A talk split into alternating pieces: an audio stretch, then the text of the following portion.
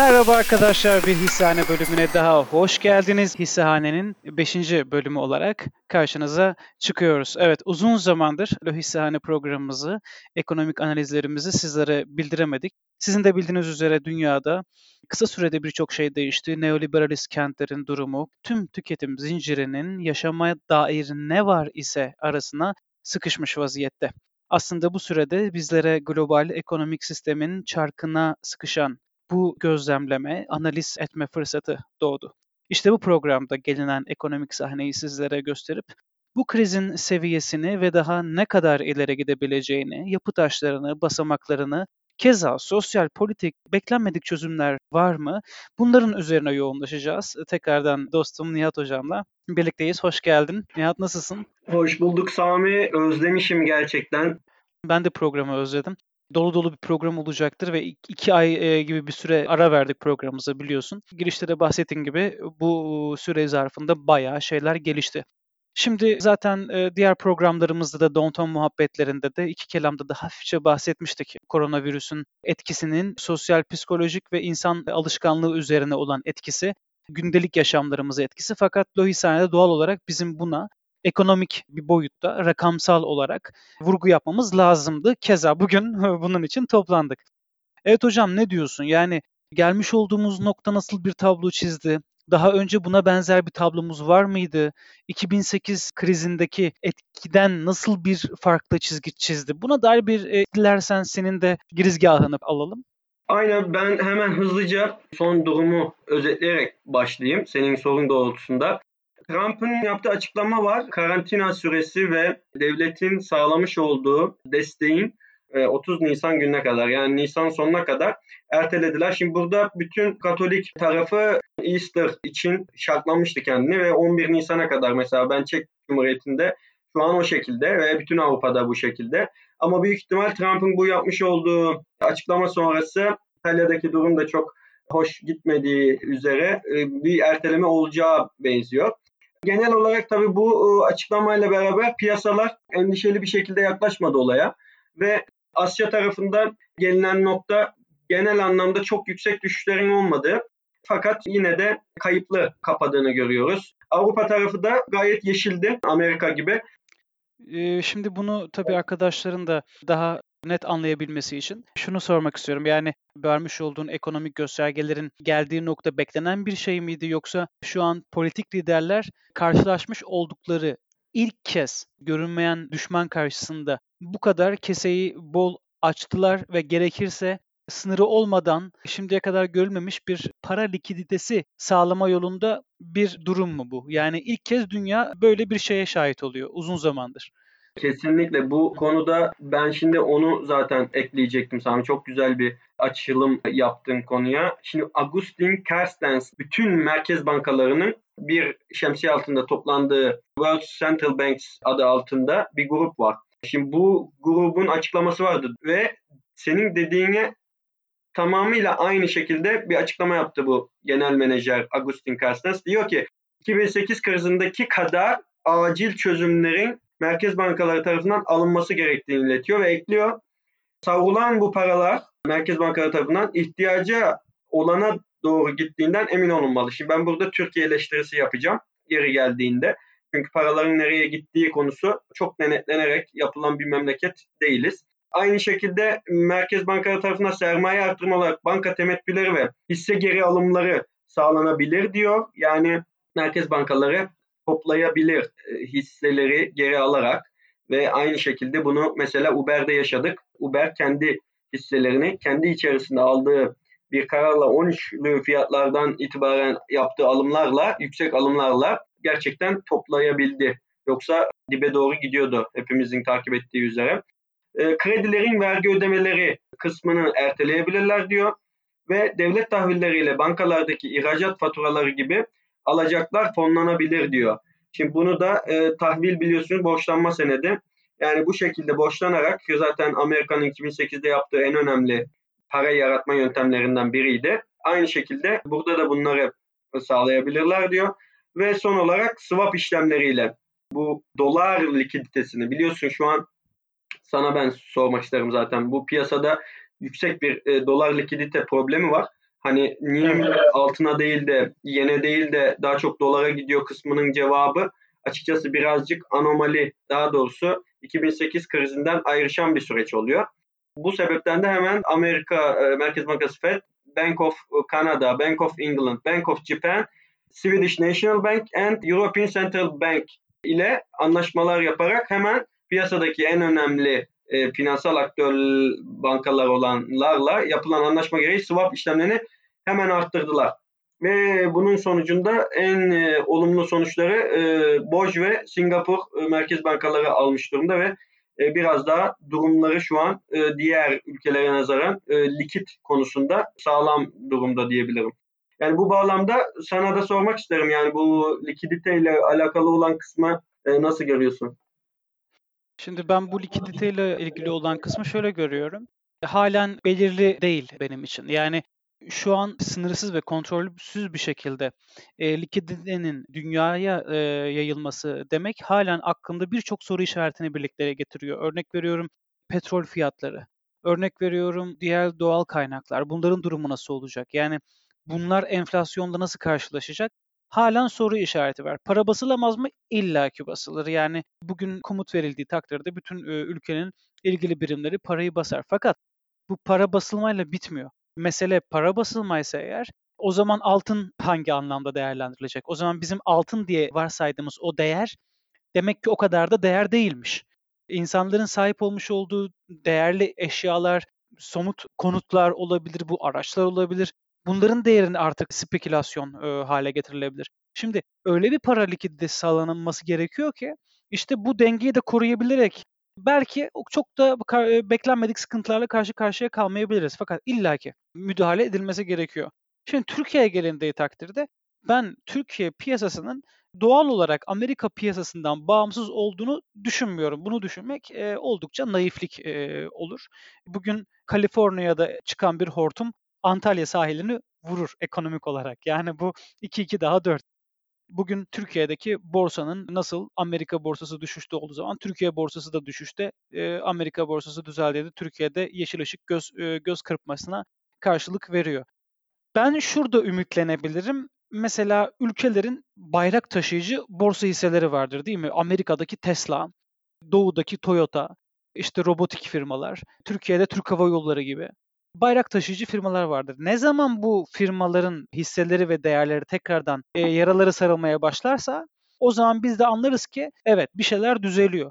Fakat A hissesi bir gün çıkmış, üç kez yeşile dönmüş, iki gün kırmızıya dönmüş. Bu halen topal ördek misali bir hissedir benim için. Şimdi Türk hisselerinden ben biraz örnek vereceğim. Çünkü direkt olarak konuyla alakalı, bizim Sahane'yle de alakalı da olarak. Evet. Şimdi çalkantılı bir durum görüyorum. Petrol hisselerine bakıyorsun. Petrol hisseleri bana güven vermiyor. Çünkü e hani biz bir sene önce elektrikli dönüşüm süreçlerinden bahsediyorduk. Elektriğe dönüyorduk. Şimdi evet. petrol hisseleri bence geleceği yok. Yani petrol hisselerinin durumu ciddi şekilde beni alakadar etmiyor.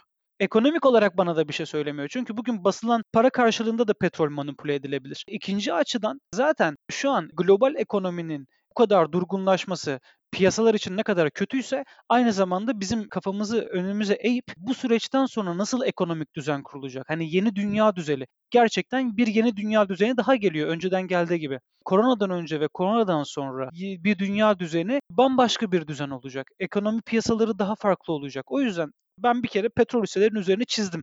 En azından beklenmesi gereken. Şu an kesinlikle tavsiye ettiğim bir şey değil. O yüzden çıkışı ve inişi aşırı spekülasyon hareketler içeren bir hisse. Spor hisselerine geldiğim takdirde normal şartlar altında dünya ekonomisi işte 2008-2020 arasında bakacak olursak geçtiğimiz 12 yıllık düzlem içerisinde en spekülatif hareketler içeren hisseler spor hisseleriyken kriz dönemlerinde kitleye hedef aldığı için evde oturan insanların halen ilgileneceği bir platform olacağı için uzaktan da olsa bunların e, halen kısa dönemli düşünülebileceğini düşünüyorum. Teknoloji firmaları, arkadaşım hangi teknoloji firması sorar e, sorarım adama. Yani hangi teknoloji? Türkiye'deki teknoloji firmalarının %70'i devletten çıkacak desteğe ya da birkaç kişinin sözleşmeyi feshetmesiyle e, iptal edilecek projelere bakıyor. O yüzden teknoloji firmaları da aşırı spekülatif içerikler. Hızlı bir şekilde eczacılık firmasını ve gıda firmalarından da bahsedeyim. Gıda firmalarına dair söyleyeceğim şey şudur. Tuvalet kağıdı ve makarnayla hisse artmaz. Bunu da evet. düşünmek naiflik olur. Eczacılık sektöründe ise bugün yarın Japonyalı bir ilaç firması koronavirüsü bulur. Satmış olduğu kolonyaları ya da insanlar evine stok yapmış olduğu 20 tane kolonyayı önümüzdeki 2 yıl daha kullanır. O eczacılık firmasından da daha kolonya almaz. Bu şekilde eczacılık içeren firmaların da hisseleri yatay bir sürece girmiş olur. Şimdi benim özetim bu. Kaotik, bulutlu bir ortam var. Kesinlikle ufak bir analize bakılacak bir durum söz konusu. Fakat şu an özetle yerel ve global olarak durulabilesi en sağlam tekne bir uzaktan sipariş edebileceğin hisseler global online shopping hisseleri uzaktan alışveriş yapabileceğin, uzaktan film izleyebileceğin siteler ve uzaktan e, spor hisseler. Ben 3 ay sonrasını göremiyorum. Bunu dünyanın hiçbir lideri göremiyor. O yüzden riskli bir periyottayız. O yüzden bende biraz bulanıklık var fakat dediğim gibi hani kısa dönemde düzelmesinden ziyade en erken piyasaların Mayıs ya da Haziran'da ışık yakacağını e, düşünüyorum. Fakat şuraya pozitif bir e, yol bırakıp sana hemen e, veriyorum sözü. Mayıs ve Haziran'da bu çöken ekonomi, tamamıyla o zehiri dışarıya veren ekonomi küllerinden yerinden doğar, yerine daha sürdürülebilir bir ekonomiyi de kendine bırakır diyebilirim. Evet, bu konuda sen daha çok yakından takip ediyorsun Türk hisselerini. Ben daha çok Merkez Bankası'nın yapacağı, yapmaya çalıştığı bir aksiyonla alakalı ekleme yapmak isterim Türkiye özelinde. Yoksa çok fazla konuşulacak bir şey olduğunu düşünmüyorum. Yani Amerika'ya tamamen bağımlı bir şekilde yürüyen piyasalar, genel piyasalar öyle zaten ama e, özellikle bizim gibi göbeğinden bağlı olanlar için çok daha farklı yani. Ve şimdi bu Merkez Bankası biliyorsun 17 Mart'ta yaptığı toplantıda iki gün falan öne çekip yapılan sözde olağanüstü olan 100 bas puanlık indirimle 975'lere getirmişti faiz oranını. Çift tanenin de altına almak vaadiyle yapmış olduğu bu süreci aslına bakarsan bence e, tamamen tesadüfi bir şekilde bu koronanın da olayın içerisinde olmasından mütevellit yapmış olduğu bu indirimlerin şu an itibariyle çok da fazla sırıtmayacağı anlamına gelen bir süreç olduğunu düşünüyorum. Sebebi de eğer ki bu korona süreci yaşanmamış olsa e, biz şu an e, zaten e, eksi faizde ne kimse bize yatırım yapıyordu ne de herhangi bir şekilde döviz açığımızı kapatıyor oluyorduk. Ve yani enflasyon 12 olduğu, 9.75 faizin olduğu bir memlekette hele bu memleket Türkiye gibi 3. dünya ülkesi bir yerse nasıl acaba e, yatırım almayı düşünüyorsun diye sormak lazım. Evet. Devlet çalışanlarına. Bunu Merkez Bankası'na da pek soramıyorum. Kukla gibi oynadıkları için çok fazla bağımsız bir şekilde güvenemiyorum. Artı diğer taraftan şimdi yeni zamanda yapılacak 22 Nisan'da yapılacak olan e, toplantıya kadar acaba küçük esnafı açıkladıkları paketin telli olmayan kısmını takviye etmek adına kimleri ne şekilde besleyeceklerinin kararını bugün itibariyle benim görmüş olduğum haberde IMF ile herhangi bir ilerleyeceklerini e, ifade etmediler. Ve bu sürecin sonunda e, elimizde yani görünen en çok konuşulan tek seçenek bu para basma kısmı kalıyor ve bu para basma kısmıyla ilgili olan süreci de enflasyon ve reel faizin bu noktada olduğunu düşünürsek yarın öbür gün enflasyonun hangi noktalara geleceği doğrultusunu zaten konuşmamıza gerek yok. O yüzden çok büyük riskli buluyorum ve birçok ekonomistin de özellikle kendisinden e, yararlandığım Profesör Doktor Selva Demiralp Koç Üniversitesi'nde öğretim üyesi olan çok güzel bir açıklama yapmış. Kendisi Yetkin Report'da yazıyor gerçekten açıklaması çok e, net ve doğru. Bunu her ekonomistten duyabileceğiniz bir durumdur ama tabii yine dediğim gibi devletin belli olanaklarıyla olan insanların konuşmasına çok fazla kulak vermenizi tavsiye etmem. Bu noktada ben hani e, gerçekten para basma kısmına hiç katılmayan e, kişilerdenim. Keşke IMF'den borçlanılsaydı diyorum. Ya da keşke zamanda yedek akçelerimizi kendi ana mevzularıyla alakalı kısımları kullanmamış olsalardı diye bir eleştiri daha sunuyor e, olacağım. Ama diğer tarafa geçmek istiyorum ben. Asıl benim değinmek istediğim belli başlı dünyadan gelen haberlerde Asya'yı da e, atlamamamız gerekiyor. Mesela çok önemli bir haber 25 Mart'ta açıklanan ve 28 Mart'tan itibaren Vietnam pirinç ihracatını durdurduğunu açıkladı. Bu ne demek oluyor? emtia tarafına ağır bir haber olarak geliyor bize. Bu üretimi durdurmayla beraber emtia fiyatları da çok yüksek bir fırlama yaşanmıştı. Singapur tarafı bu şey kervanına katılanlardan demiştim. Swap işlemlerinin yüksek oranlı yapanlardan oldu kendisi de ve bunu yapmasını gerektiren durumlardan biri de aslında aldığı bir veri bir önceki çeyreğe oranla GDP'sinin %10.6 daraldığı beklentileri de aşarak yani beklenti 8.6'ymış. Gerçekten kötü bir sonuç e, kendisi için. Bu daralmaları her yerde göreceğiz ama yaşayanlar daha yeni Asya tarafında ilk başta ortaya çıktı. Ve Bank of Korea Fed'in e, yolundan giderek Nisan ayında başlamak üzere 3 ay boyunca sınırsız likidite vereceğini açıklayan bankadan. Gerçekten varsa eğer bu koronavirüsünde devlet ve millet kavramını gerçekten devletin sosyal kısmını göz önüne alan ama bu emperyal olanakları milleti için kullanan başta gerçekten Güney Kore ve Almanya'yı da es geçmemek gerekiyor. Bu gibi devletleri gene ortaya çıkardı. Yani hakikaten mükemmel yönetiyorlar diyebilirim. Hem Covid'in tedavi edilebilmesi için hem de aynı şekilde bu o, ekonomik olarak. Diğer tarafta Avrupa tarafına gelecek olursak Avrupa'da açıkçası şöyle bir durum var. Martin Schulz, Federal Almanya'nın ekonomi bakanı olan. E, kendisi diyor ki yine 25 Mart'ta söylüyor. Almanya verdiği bu 500 milyar euroluk desteğin de ötesine gidip krizden sonra da hobilere teşviklerini devam ettirecek. Mükemmel. Hani sonrasını bu kadar düşünebilen devletler hiç değişmiyor zaten. Diğer taraftan Yine Almanya ile ilgili tabii bu vermiş olduğu 500 milyar euro ek olarak tekrardan 120 milyar euro açıklaması bunlar Avrupa'da çok olumlu seyirlere sebep oldu ve hakikaten Avrupa Merkez Bankası'nın alacağı kararları da neredeyse hepsi Almanya'nın ağzına bakıyorlar gibi bir e, hava tekrardan oluşmuş oldu ve gördük ki tek kötü günlere hazırlıklı olan ülke Almanya'ymış. Ne İtalya ne Fransa e, ne İngiltere hiçbirisi ne tedavi sağlık kısmında ne de sosyal kısmında bu olayın açıkçası üstesinden gelebildiğini düşünüyorum ben. Tabii bu faiz indirimlerine Bank of England da aynı şekilde eklendi. Fakat tabii sürpriz olarak maalesef Avrupa Merkez Bankası bunu yapamadı. Zaten %0'da e, faiz oranları. Negatif faizde ilerletilen bir süreçleri var. Aynı şekilde e, Japon Merkez Bankası da aynı şeye sahip. Onların yapabileceği tek şey kantitatif easing yani para basma diyebiliriz.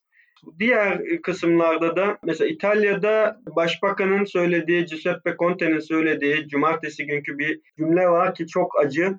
İkinci Dünya Savaşı'ndan beri yaşadığımız her yönüyle en ağır kriz olmuştur diye kendisi itiraf etmiş. İspanya tarafında da yine 11 Nisan'a kadar bu şeyler ertelenmiş durumda. Araya girebilir miyim hocam? Tabii Amerika'ya geçmeden senin de varsa söylemek istediğin Hocam ben burada araya girmek istiyorum. Çünkü çok güzel bir yerden yakalamak istedim konuyu. Şimdi ben bu söze kısmen katılmıyorum. Çünkü o dönemin koşullarıyla bir kere anakronik bir sıkıntı var. Yani karşılaştırma. Bu hem ekonomik analiz akademik, akademik ekonomik açıklamaya bence sığmıyor. Bir kere zamansal o dönemin şartları, o dönemdeki insanların şehir içerisinde ve ülkeler arası sirkülasyonu, şunun analizini yapmak gerek değil mi? 1920'lerde kaç kişi seyahat edebilme e, lüksüne sahipti? Şey demiş, ikinci, ikinci Dünya Savaşı'ndan sonra gördüğümüz demiş. Tabii, şimdi e, e, doğal olarak yani zaten zaten ikinci Dünya Savaşı'ndan sonra dünya üzerinde ne gerçekleşiyorsa büyük ihtimal ilk olacak. Dünya hem o dönemde 20. yüzyılın ilk yarısında bir kere ciddi şekilde savaşlardan ve salgınlardan kaynaklı milyonlarca insan e, hayatını kaybetti. Zaten doğal olarak o süreçten sonra gerçekleşecek herhangi bir aksiyon zaten ilklere doğum verecekti. Bir ikincisi 2018 turizm sektörlerinden bahsedeceğim biraz. Ciddi bir şekilde çünkü global ekonominin ciddi bir pastadaki payının sahibi turizm. Şimdi 1920'lerde, 1940'larda tabii seyahat edemezsin. Lady Lloyd gibi gidip Pera'ya İstanbul'da Boğaz'ın sadeliklerini izleyeyim, kahvemi içeyim diyebilecek kişi bin kişiyken günümüzde asgari ücretle bile çalışıp 10 taksitle yaşamadığın ve emeğini vermediğin e, ücretin tatilini yapabiliyor olmak düşük gelirli insanları, asgari ücretle çalışan insanları bile bir yerden bir yere götürmeye başladı ki 2018 ve 2019'da e, bu e, en üst seviyeye geldi. 2019 yılına geldiğimizde global turizm 1.7 trilyonluk bir markete ev sahipliği yapmış oldu. Bugün e, biz ne diyoruz? Amerika 2.2 trilyon dolarlık bir bütçeyi kurtarma paketi olarak işte meclis e, onayladı, Trump'a sundu diyoruz. Fakat zaten dünyada yıllık bu rakama kadar bir turizm sirkülasyonu var. Yani dünya ulaşım araçlarından, teknoloji araçlarından, yakılan CO2'lar her şeyden beslenerek bir rakam üretme derdine, bir rakam fetişizmine girmiş durumda. O kadar girmiş durumda ki şirketlerde bile kaliteden ziyade artık üretebildiğin kadar varsın. Nasıl ki önceden düşünüyorum öyleyse varım mantığı 19. yüzyılda çalışıyorum öyleyse varım. 20. yüzyılda rakamlarım var öyleyse varım. Bir tarımcının domates üretmesi değil artık rakam üretmek. E o yüzden bir rakam fetişizmi içerisine içerisinde gelinen bu noktada e, zirve yapan bir periyottan bahsediyoruz. Artık koronavirüsle yani ben o kadar şuna inanıyorum ki koronavirüs olmasaydı bu, bu global bir patlak verme zamanına girmişti artık evren. Çünkü evet. her şeyin rakama çevrilmesi. Kesinlikle ekonomi olacak, hisseler olacak, gelişen şirketlere paralar yatırılacak, bir yerden bir yere para gidecek.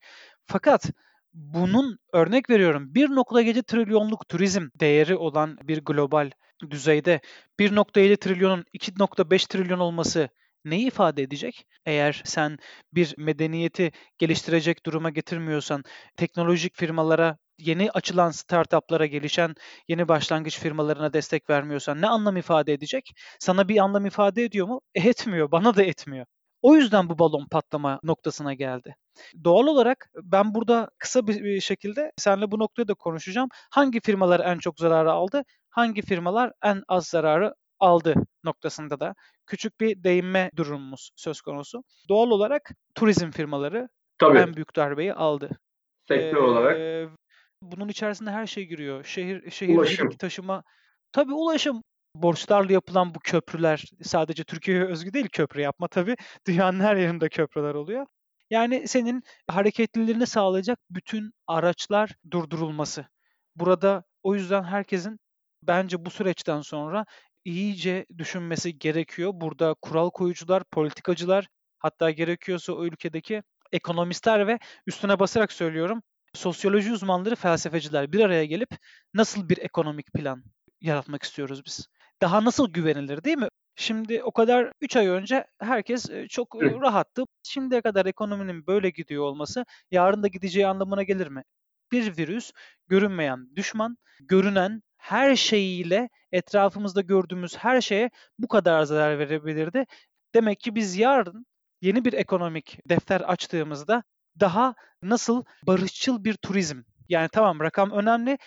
1.7 üretmeyelim, 1.7 trilyon üretmeyelim, 1.5 trilyon üretelim. Fakat insanlar daha sağlıklı, daha güvenli, daha sürdürülebilir, tüketmeden, öldürmeden, kurutmadan bir turizm teknolojik firma öldürerek bir deney değil yaşatarak bir deneye e, imkan veren bir teknoloji değil mi? O yüzden biz halen virüse tedavi bulamadık. O yüzden ekonomiye zarar vermeye çalışıyor. Çünkü halen bu virüsle savaşmaya bile halen kapital ekonomi daha az zararla nasıl sıyrılarak tedavi bulma yönteminde bu tedaviyi bulurken de hangi ülke bulacak, ileride hangi ülke bulursa dünyaya nasıl yön verecek bunun derdine düşmüş.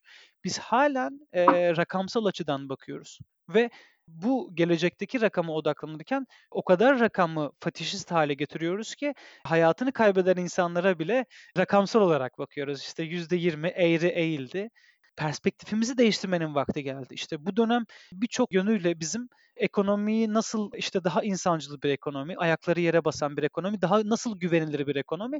O yüzden hani biz de Lohisane'nin her zaman olsun isteriz. Ekonomiyi her zaman konuşalım. Fakat işte bu konuştuğumuz rakamlar hepsinin altında bir şey yatıyor. Yani biz burada 10 dolardan bahsediyorsak bu 10 dolar bazen 10 saat çalışılmış bir zamandan gelen bir 10 dolarken bazen senin iyi bir yere yatırım yapmanla geleceğe vaat etmesiyle gelen bir 10 dolar oluyor.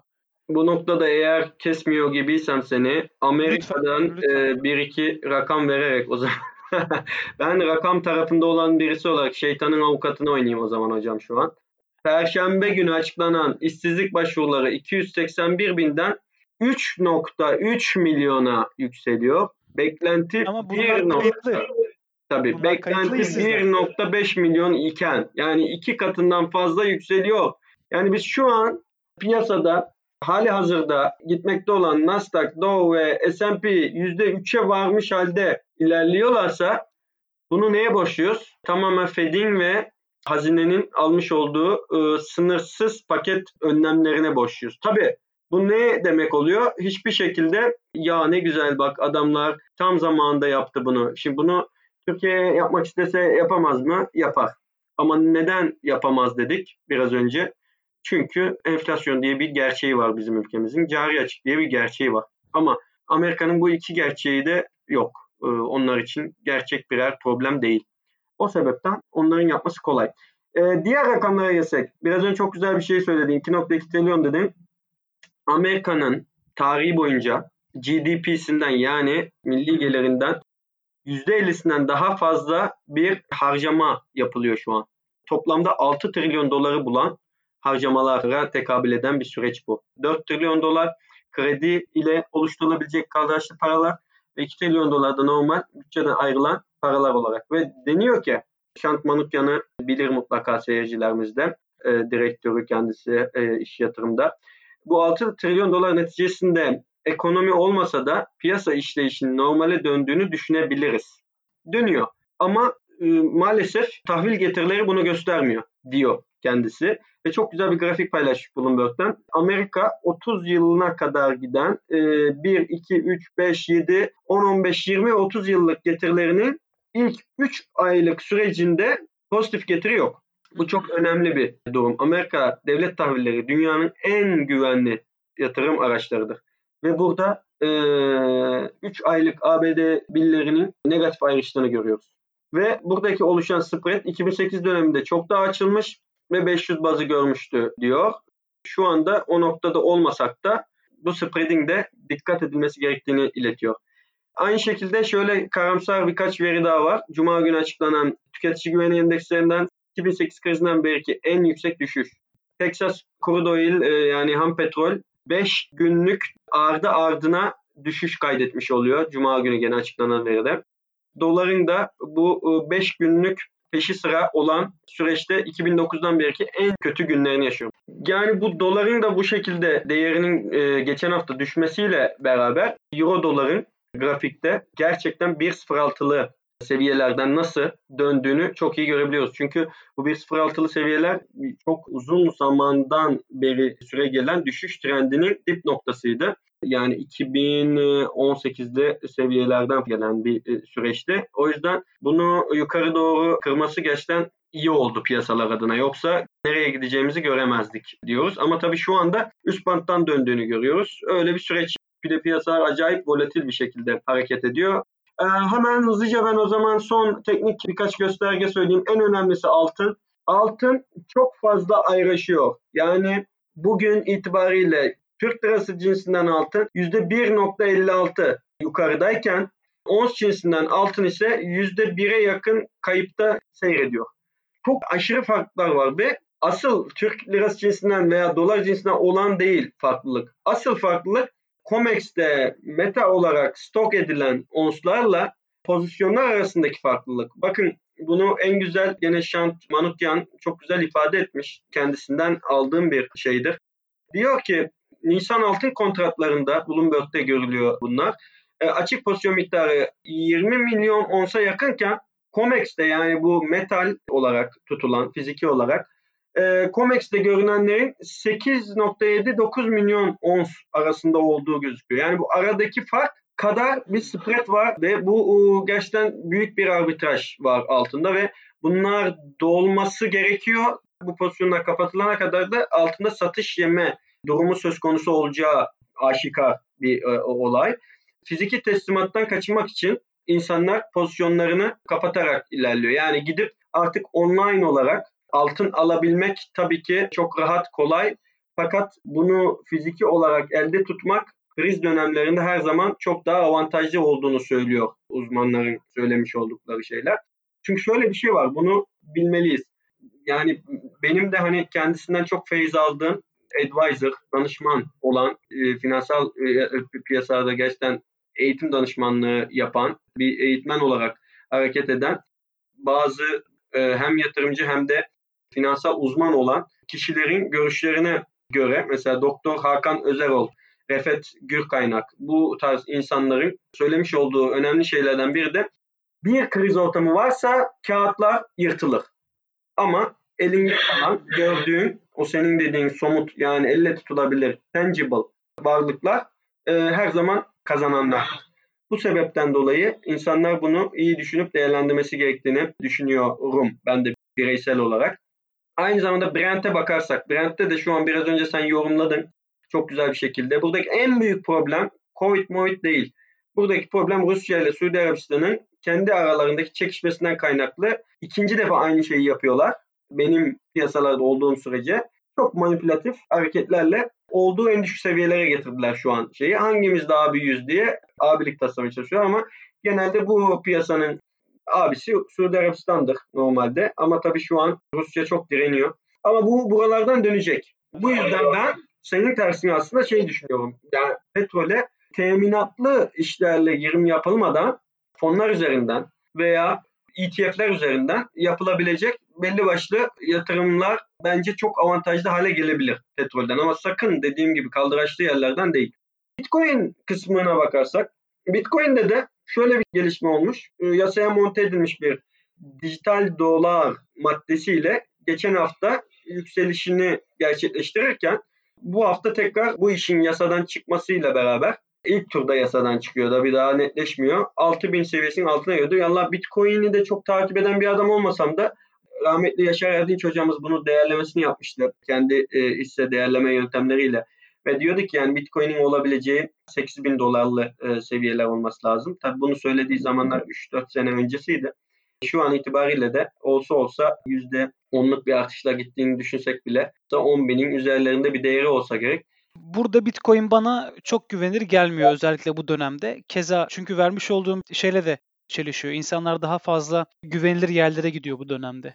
Bitcoin'de direkt karşınıza çıkacak böyle hak arayabileceğiniz bir yerde olmadığı için direkt özellikle bu dönemde aşırı riskli alanlardan bir tanesi benim için.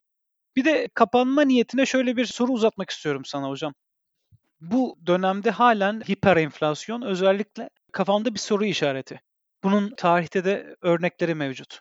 Örnek vermek gerekirse 1946 Macaristan hiper enflasyonu dünyanın görmüş olduğu e, en büyük e, inanılmaz bir hiper enflasyon olarak ekonomi tarih kitaplarında geçti. Biliyorsun 41 %41.9 katrilyon gibi aylık e, enflasyondan bahsediyoruz. Yani böyle bir miktar yok dünya tarihinde. Sabah almış olduğunuz 20 liralık bir süt akşam gidiyorsunuz 40 lira, ertesi gün 80 lira, ertesi gün 260 lira. İnsanların cebindeki paranın değeri 15 saatte bir yarı yarıya iniyor. Ve kural geliyor 15 saatten önce %100 zam yapılmayacak diye. Yani şimdi bu korkunç bir senaryo. Keza Zimbabwe yine 2008'de insanlar el arabalarıyla dondurma almaya gidiyor, ekmek almaya gidiyor. Bu durum paranın karşılığının doğal olarak yani e, senin para basıyor olman demek senin zenginleştiğin anlamına gelmiyor. Bunu söyleyen kişi ekonominin en küçük tartışmasını da zaten gerçekleştiremez. Hani biz de burada olamayız. Bir kere şurada hem fikiriz. Senin çok para basıyor olman e, ülkenin geliştiği, zenginleştiği anlamına gelmiyor. Sadece var olan ürünün pahalılaşmasına yol açar. Eğer bugün Sami'de olan 10 bin lira ikinci günde 20 bin liraya çıkarsa bu bir kurtarma operasyonudur. Eyvallah. Fakat üçüncü günde 40 bin olup 6. günde 80 bin lira olup 7. günde 100 bin lira basarsanız eğer benim de bugün almış olduğum 5 liralık peynir 10 liraya, 20 liraya, 30 liraya, 40 liraya çıkar. Bunu kim önleyecektir? Benim sana sorum bu. 2020'de nasıl bir güvenli para basma ortaya çıkıp aynı zamanda nasıl hiperinflasyona yolu açmayacaktır? Kaosu sebep vermeden ekonomiyi kurtarma operasyonu 2020 ile o dönemle kıyaslanabilir mi? Kıyaslanamazsa neden kıyaslanamaz diye fikrini alacağım. Benim diyebileceklerim bu kadar. Umarım ben de kötünün kötüsü senaryolarıyla haksız çıkarım. Öyle bir tablo bizi beklemez. Aynen yani güzel bir taraftan girdin. Bunu zaten biraz önce de Türkiye senaryosuna geldiğimizde hafifçe anlatmaya çalışmıştım. Yani tek cümlede şu enflasyon problemi olmayan ülkelerde bakınız Amerika örneği gibi 2008'de bastığı o kadar parayla dünyaya helikopterle para salarken hala enflasyonla ilgili bir derdi yok. Ama para enjekte etmek demek de sadece enflasyon yaratma anlamına da gelmiyor aslında. O paranın kime gittiği ve hangi kuruluşlara ulaştığı kısmı da önemli. Yani aslında yani bu kara para e, kısımlarına giren ve yarın öbür gün bu saçılan parayı kötü emeller yani manipülatif hareketlerle piyasada kullanabilecek insanların eline de geçebilir bu para. Merak ettiğim şey o. Bu ihtiyacı olan insanlar ya da kurtarma operasyondan ziyade manipülasyona dönüşürse o zaman belki diğer senaryo gerçekleşebilir o zaman bana göre de. Evet evet yani bu koronanın yıkamadığı piyasayı 87 kara pazartesi vardır Amerika'da. Manipülatif ataklarla çökerilen bir piyasadır. Ve yani bu bu şekilde gerçekleşme ihtimali olabilir. Tabi o zaman öyle bir quantitative easing falan filan olayı yok. Şu anda da çok fazla korumalı her şey ama yani finansal piyasalar diyorlar ya şimdi bir de işte çökerse ne yapacağız? Biz elimizdeki hisselerle kalacak mıyız? Veya işte altın şey konusunda... Mümkün müdür sence şu an? Ya ben çok ihtimal vermiyorum. Yani bunu mesela ben hocalarım hiçbirinden kapitalist sistemi kolay kolay çökeceği kısmını duymadım. Çünkü e, çökseydi diyorlar 29'unda da çökerdi. Ondan önce sanayi devrimi sonrası Birinci Dünya Savaşı öncesi çökerdi. İkinci Dünya Savaşı sonrası çökerdi. Ama her zaman kendisini yeniledi. Tabii aynen öyle. Bizim ilk başta aslında demiş olduğum da beni de düşündüğüm şey o. Yani farklı bir sayfa açılacak. Belki bunun yürümediğini görecekler. Ben orada şöyle olması umudum ve temennim var. Ülkeler kendi işlerinde milli ekonomilerine daha ön plana çıkarabilecekleri bir fırsat olduğunu düşünüyorum. Özellikle gelişmekte olan diye tabir edilen ülkeler kısmında. Çünkü kendi milli kısmını öne çıkaran ülkelerde daha toparlanan ve sosyal politikaların yoğun olduğu yerlerde daha kolay bu işi atlatan ülkeler olduğunu görüyoruz. Hem Covid raporunda görüyoruz hem de ekonomi anlamda görüyoruz. Dedim sana yani Güney Kore, Almanya gibi ülkeler bunun en önde gelen ülkeleri. Kuzey Avrupa'yı zaten demeye gerek yok. Aynı şekilde birazcık izole olan bir hale doğru geçilme ihtimalini ben düşünüyorum. Bu para piyasasında çok zor ama en azından bir miktar yani dışarıyla olan e, e, irtibatlarda artık ihracat ithalat kalemlerinde bir miktar oynamalar olabilir diye düşünüyorum. O zaman iyi düşünelim, iyi olsun. Benim daha fazla ekleyeceğim şey yok hocam. Keyifli bir program oldu benim için. Ekleyeceğim bir şey yoksa programın e, sonuna yavaş yavaş geldik diyebiliriz. Kesinlikle. Benden de bu kadar. Çok teşekkür ederim Sami. Doğmuşuz, biraz uzattık ama bu bütün bir özet oldu. Bu programı arkadaşlar ikili bir program olarak alın. Normalde 20-25 dakika aralığında kuruladığımız programı biz ayda bir en geç programa koyuyorduk. Bu 2-3 ay sonra gerçekleştirdiğimiz bir program oldu. O yüzden biraz uzun sürdü. Dinlediğiniz için kulaklarınıza, zamanınıza, emeğinize sağlık. Sizlerle tekrardan birlikte olmak ümidiyle daha ümitli Nisan sonu Nisan'ın 3. haftası gibi piyasalar ne duruma geldi, nasıl konumlandı, bu enjektenin ilk haftalardaki karşılığı ne oldu? Buna dair daha keyifli, daha güzel, daha verimli programlarla kendimizi de yenileyerek karşınıza çıkma ümidiyle hoşçakalın, kendinize iyi bakın. Hoşçakalın, sağlıklı kalın.